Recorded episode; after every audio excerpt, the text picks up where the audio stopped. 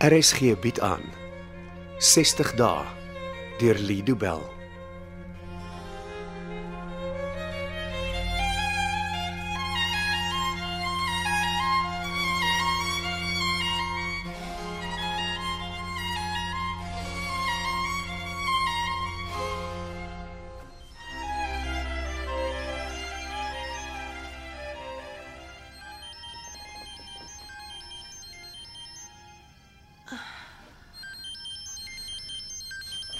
Laat is dit. Waar is die ding? Hallo. Ek is jammer om jou so vroeg wakker te maak. Dis oké. Uh, so moet 'n probleem wees as jy my bel. Ja. Net nog voor die son op is. Toe die nagsuster by Nova my bel het ek geweet ek sal nie vanaand weer aan die slaap kan raak nie. Wat het gebeur? Jy weet ek hou nie daarvan om inligting oor pasiënte met jou te deel nie, maar eh, in hierdie geval is daar werklik niemand anders waarmee ek kan praat nie. Dit klink ernstig. Dit is ja. Maar voor ons praat, moet ek jou eers 'n vraag vra. Mhm. Mm Jy mag nie ooreageer nie. Maak nie saak wat ek sê nie. Magda. Beloof my jy sal nie ooreageer nie. Dit klink rarig asof jy my gereed maak om slegte nuus te hoor. Dit is slegte nuus. Maar as dit alles in konteks beskou word, is dit miskien nie so sleg nie. Magda, jy maak nie sin nie. Goed, ek beloof ek sal nie ooreageer nie. Vra my net wat jy wil vra. Ek, het jy enige idee waar Lauren is?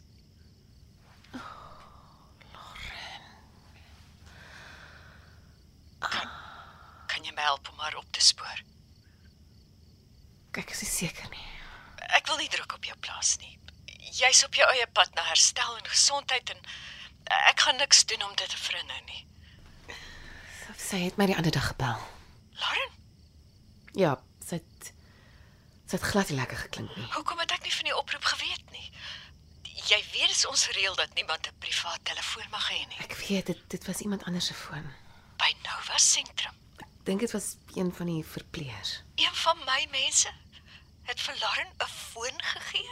Wel, volgens Lauren het die verpleeger nie geweet sy het die foon by haar geleen nie. Ek is seker dis 'n deel van Lauren se geskiedenis wat jy nie van geweet het nie. Wat 'n deel? Dat sy 'n kriminele rekord het. Nee. Daaroor het ons nog nooit gepraat nie. Sy was al twee keer gevang en aangekla van winkeldiefstal. Wat het sy gesteel? Niks belangrik nie of of of liewer niks duur nie. Die eerste keer was dit klere en daarna is sy nog 'n keer gevang toe sy goedkoop juweliersware en 'n goedkoop sonbril by 'n winkel probeer uitsmokkel het. Was sy in die tronk? Nee. Haar pa het altyd gehelp om seker te maak dat sy met erkenning van skuld en 'n boete wegkom. Lauren skuld haar ouers baie. Ja, dit is so. Maar nou sit sy met 'n kriminele rekord. En wa- wat het haar pa gesê toe jy hom laat weet het sy toe weggeloop? Hy weet nie daarvan nie. Mag haar ouers moet weet. Die laaste keer wat haar pa Lauren na ons gebring het, het hy lank met my gesels en my maak verstaan dat hy nie verder enigiets met sy dogter te doen wil hê nie. Mens gooi nie jou kind weg nie. Haar ouers is oud en afgetree. Hulle sukkel albei met hulle gesondheid en hulle het nie meer die finansies of krag om met Lauren se probleme te help nie. Arme Lauren. Nou is sy regtig op haar eie. Het sy vir jou gesê waarheen sy wou gaan? Wat wil jy haar gaan soek? Dis nie wat ons doen nie. Ek wil net weet of sy darm 'n dak oor haar kop het. Sy het gepraat van 'n vriendin in Groenpunt wat uh, groot foonstel het. En Lauren glo dat sy daar welkom sal wees. Hm, sover ek kon aflei, ja. Lauren misgesag gereeld met mense. Dis deel van haar patroon. Wat bedoel jy? Sy glo daar's altyd iemand wat haar sal help. Iemand wat haar sal red. Praat jy nou van Joe en Dean? Ja. Die Vrystaatse plaas wat vir rukkie goed genoeg was vir haar, maar dan soos altyd loop haar uurglas leeg. Verstaan nie hoekom sy sulke besluite neem nie. Sy dobbel gereeld met haar lewe. Vandag is sy gelukkig, maar môre het die geluk verdwyn. En haar verslawing help ook nie. Lawrence se verslawing is die probleem. Goed, wat gaan jy nou doen? Ek kan haar nie help as sy nie by die sentrum is nie. Jy weet hoe dit werk. Ja, die program werk slegs as 'n mens wil hê dit moet werk. Ek het geglo ek maak goeie vordering met Lauren. Het sy nie vir jou gesê dat sy ongelukkig voel met haar behandeling nie? Maar ek glo nie dis die probleem nie. Nou wat dan? Die dissipline van die daaglikse lewe by Nova sentrum is vir Lauren baie moeilik om te hanteer. Ek dink sy was maar meeste van haar lewe rebels. Ek weet sy wil ophou met die dwelms, maar haar ander lewenskeuses help nie. Dis so ek het ook ervaar. Wat bedoel jy? Ek moet vandag aanvaar dat ek nooit, as ek nigter was, met Johan Kotse de mekaar sou raak nie. Maar dit het wel gebeur. Mhm. Mm en nou moet ek verantwoordelikheid neem vir die verhouding en alles wat daarop gevolg het. Ja, dis 'n gesonde manier om daaroor te dink. Mag ek jou 'n vraag vra? Natuurlik. Is dit is dit moontlik om iets te onthou omdat jy dit gedroom het? Ehm baie mense onthou hulle drome in fyn detail. Ja, maar eh, wat as ek iets op een manier in my droom ervaar, maar die werklikheid daarvan heel anders is? Praat jy oor iets wat met jou gebeur het? Ja, Die ongeluk. ja. Wat is die verskil tussen die droom en die werklikheid? Dit is nie so eenvoudig nie. My kop loop in drie verskillende rigtings as dit by die ongeluk kom. 3. Ja, m- my droom, die werklikheid en dan 'n beskuldiging. Verander jou droom. Nee. Dis dieselfde droom wat jy by Nova aan my beskryf het, uh, jou eerste herinnering van daardie nag. Ja, in in my droom is ek saam met iemand anders in die kar. Johan, Dit is nie vir my duidelik wie in die kar saam met my ry nie. maar dis 'n man. Ja. Dis 'n man wat jou motor bestuur. Nee. In die droom bestuur ek. Is dit jy wat bestuur elke keer wat jy droom oor die ongeluk? Ja, en en ek weet jy glo dis omdat ek op een of ander manier verantwoordelikheid vir daai nag se gebeure wil aanvaar. Miskien is dit bietjie te eenvoudig om dit so te interpreteer. Uh, Is dit hoe jy daardie nag onthou? Jy sien jouself steeds as die bestuurder? Net in die droom. Nadat ek die opnames gesien het, weet ek dat Johan bestuur het. En jy verstaan wat hy na die ongeluk aan jou gedoen het. Hy het my maak glo dat dit my skuld was, dat dat ek bestuur het. Ja. Wat is die derde manier wat jy die nag van die ongeluk onthou? Dis nie iets wat ek onthou nie. Dis dis wat Johan sê. Probeer hy jou oortuig dat jy wel die bestuurder was? Nee. Hy erken dis dat hy bestuur het, maar hy skimp dat ek nie so onskuldig is as wat ek glo nie. Hy probeer jou manipuleer.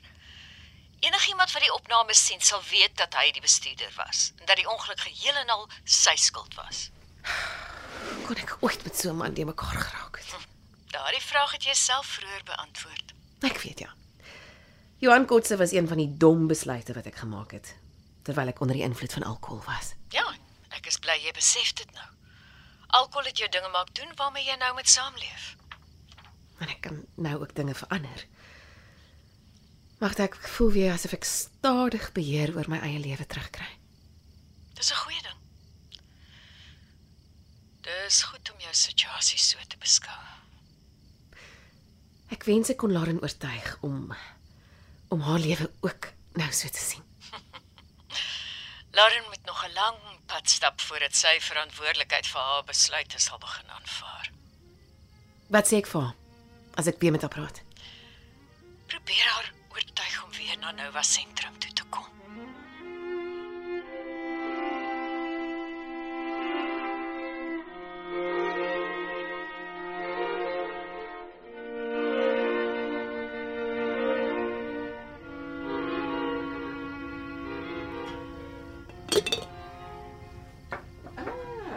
Ek dog ek hoor die ketel kook. Ag jammer maar, ek het nie gedink my geraas gaan julle wakker maak nie. Ag, heer, wat jy hoef nie jammer te wees nie. Ek drink in elk geval elke oggend 'n paar koppies tee voor jy en Isie wakker is. Is dit 'n koppie vir ma? Ja. Laat die tee eers 'n bietjie trek. Jy uh is nie gewoonlik so vroeg in die oggend wakker nie. Al's okay? Ja, en nee. Magda het my nou net gebel. Ehm uh, die sielkundige by die Nova sentrum. Ja, Nou, hoekom bel die vrou jou in die middel van die nag? sy's bekommerd oor iets. En toe bel sy vir jou, Sy het gehoop dat ek kon help. nog voor die son op is. Dit moet 'n groot probleem gewees het.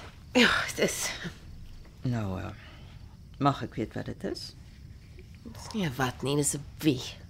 Ja, as ek moet raai, sou ek sê dis oor die Lauren meisiekind wat die dokter jou so vroeg wakker gebel het.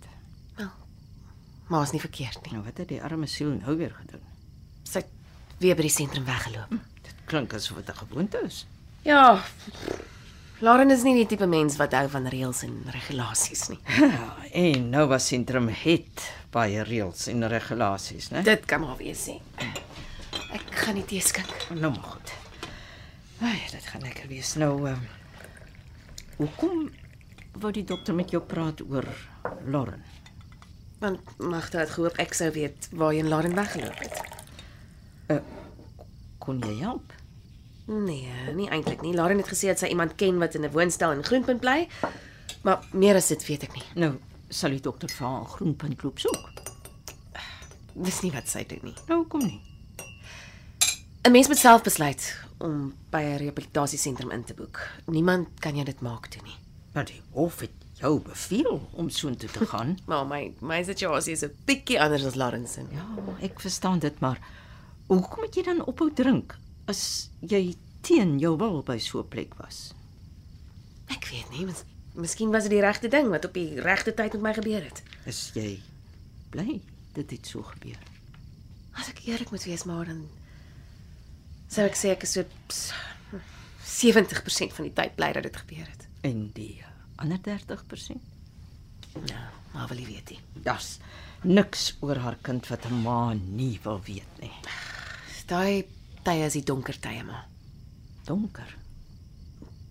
Voel donker vir my as 'n as 'n klein stemmetjie in my kop my probeer oortuig hoe wonderlik een ou glasie wyn sal wees. Maar jy mag nooit weer drink nie, né? Nee, nie eers een slukkie nie. Vir die res van jou lewe. Ja. As ek 'n normale lewe wil hê. Nou ek ek wil vir jou iets sê, maar ek- ek is bang jy jy verstaan nie hoekom ek dit sê nie.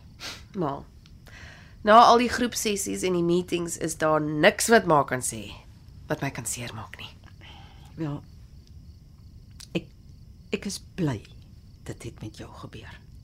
En ek is bly dat jy skielik nie meer hierdie wêreldberoemde neurochirurg is nie. Jy, jy word weer my dogter. Iemand wat ek wat ek ken en iemand wat ek vir die res van my lewe wil ken. Dankie ma. Jy weet, daar was 'n tyd wat ek geglo het jy nooit weer met my sou praat nie. Elke gesprek met jou was soos 'n soos 'n groot verleentheid vir jou of, of anders het jy my laat verstaan dat ek jou dat ek jou so grensloos irriteer as ek net met jou wil praat. Jammer, ek is ek is bitter jammer ma. Maar nou sien jy weer hier my kind. My wonderlike dogter. Dit was 60 dae deur Lido Bell. Cassie Lauers beheer tig die tegniese versorging en dit word in Kaapstad opgevoer onder regie van Anri Gerbst.